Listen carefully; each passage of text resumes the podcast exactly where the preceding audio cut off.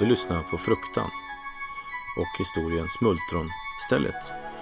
Skriven och läses upp av Jörgen Gavelin. Anja ser sin pappa sitta vid köksbordet. Han är rögd och hon ser att han har gråtit. Han har tänt ett vitt smalt ljus som står i mitten av bordet. Det är nu ett år sedan hennes mamma dog. Sjukdomen som bara kom en dag trodde det inte först på, speciellt inte mamma. Hon som alltid var så stark. Trodde att det bara skulle försvinna. Men det som hände sedan var en mardröm. Hon blev bara 37 år. Anja saknar henne, tänker på henne varje dag. Hennes skratt, maten som hon lagade, alla samtal de hade haft, hennes speciella parfym som hon alltid hade på sig. Hennes pappa har dukat upp fika, kaffe till honom och te till henne. Han har även köpt mammas favoritbulle med vaniljkräm. Han tittar sorgset på henne. Jag har funderat Anja. Jag vet att du har dina kompisar och att du trivs. Men jag vill flytta, komma till något nytt. Jag känner att jag måste och jag hoppas det funkar för dig. Men vart då? Jag vill flytta närmare stan. Jag har hittat ett hus nära en skola där du kan gå. Anja känner att hon får en klump i magen som växer i takt med att hon tänker på sina vänner som hon skulle behöva lämna och huset där hon har vuxit upp med sin mamma. Ett svagt vinddrag smeker henne över ryggen och får henne att rysa. Hon ser att ljuset fladdrar till. Hon tittar på sin pappa, men han bara sitter och stirrar på sin kaffekopp utan notis om omvärlden. När Anja står i fönstret i sitt nya rum ser hon skolan en liten bit bort. Precis som hennes pappa hade lovat skulle det inte bli långt att gå. Närmaste granne som hon kan se från sitt fönster är ett förfallet och övergivet dagis. På en smutsig skylt står det Smultronstället. Två små rödmålade hus med platt tak. Ena fönstret är täckt med masonit. Den vita färgen på fönsterkarmarna har börjat flagna och det ser nästan ut som träet har börjat ruttna. Det ser verkligen öde ut. Tre gungor står i mitten av den grustäckta gården och förstärker ödsligheten. Hon vänder sig in mot sitt rum och går till flyttkartongerna och fortsätter packa upp. Då hör hon fnitter och skratt. Snabbt är hon tillbaka vid fönstret och får då se två flickor i hennes egen ålder som sitter och gungar. Det har så hög fart på gungorna att det är nästan som det har någon som står bakom och puttar på. De är båda mörkhåriga. Den ena flickan har håret utsläppt, den andra flickan har håret uppsatt i en knut. Det ser ut att ha roligt och Anja kan inte annat än att småle. Kanske kan hon få bra kompisar även här. Hennes pappas röst får henne att hoppa till. Maten är klar. Precis som hon ska lämna sitt rum känner hon en svag parfymdoft som får henne att reagera. Det kan inte vara möjligt.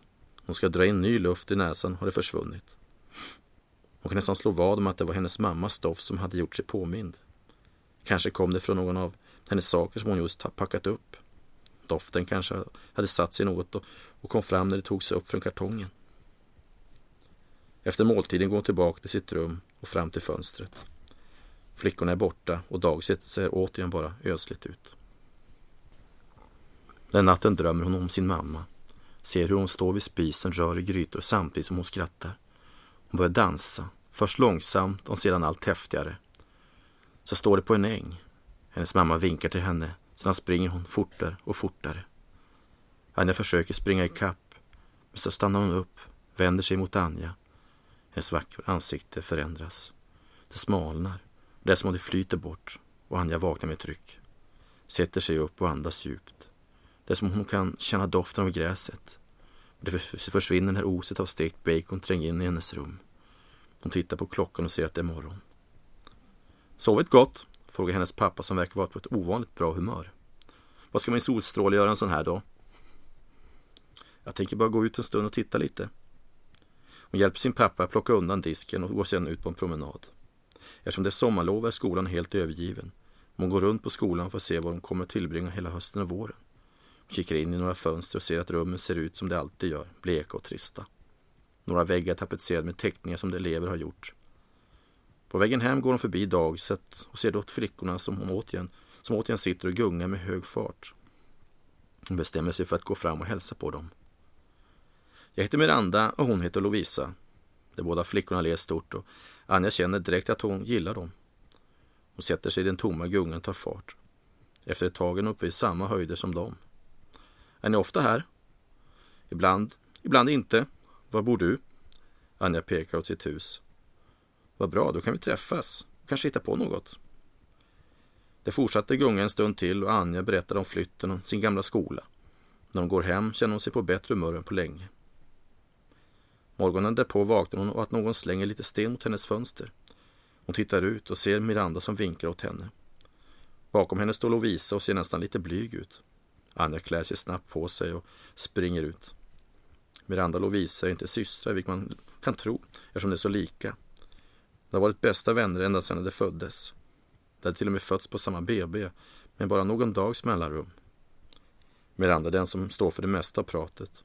Anja och Lovisa behövde bara lyssna på allt viktigt hon hade att säga och nicka för att visa att de förstod. Anja, skulle du vilja träffa din mamma igen? Det är klart jag vill. Men säg inte så där. Hon är ju faktiskt död. Så får du inte prata. Hon sitter mellan de båda vännerna på en bänk nära skogen. Förlåt, det var inte meningen att göra dig ledsen, säger Miranda. Lovisa nickar medgivande och stryker Anja ömt på ryggen för att trösta henne. Hennes hand är kall och Anja ryser beröringen. Plötsligt hoppar Miranda upp från bänken och springer ut mot skogen. Hitta oss om du kan! Hon vänder sig mot Lovisa, men hon är redan borta. Med snabba kliv försöker hon hinna ikapp. Det är som om skogen har ätit upp dem. Träden står tätt och bildar en ogenomtränglig mur. Hon river sig på grenarna när hon försöker tränga in i den massiva skogen. Sluta nu, det här är inte kul! Men inget svar. Inga fnitter som avslöjar vad det kan vara. Bara kvittrar från fåglar talar om att det är något levande i skogen. Okej, jag går nu. Sakta börjar hon gå ifrån platsen och tar riktning hemåt. Efter ett tag hör hon steg bakom sig och hon vänder sig om.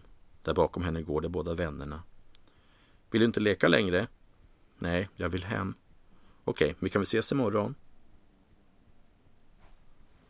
Sommaren flöt på och det umgicks från och till. När skolstarten närmar sig känner sig Anja sig redo och ser fram emot att gå i skolan med sina nya vänner. Då närmar sig skolan känner hon hur nervositeten börjar. Innan hade hon inte känt något, men ju närmare skolan hon kommer, desto intensivare blir det.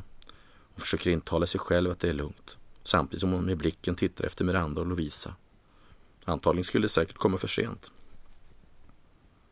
När alla satt i klassrummet och Anja fått presentera sig sträcker hon upp handen. Ja, Anja, vad är det? Jag trodde jag skulle gå i samma klass som Miranda och Lovisa. Läraren tittar på henne med förvånad blick. Hon fortsätter lektionen utan att svara på frågan. Första skoldagen gick bra och Anja tänker på att flytten inte var så tokig ändå. Nu skulle hon få nya vänner och det kändes faktiskt riktigt spännande. Innan hon ska lämna klassrummet ber hennes lärarinna att hon ska stanna. Anja, hur tycker du den första dagen gick? Det gick bra. Alla var snälla och jag tror jag kommer att trivas här. Vad bra. Ja, vi kommer göra allt vårt bästa för att du ska trivas.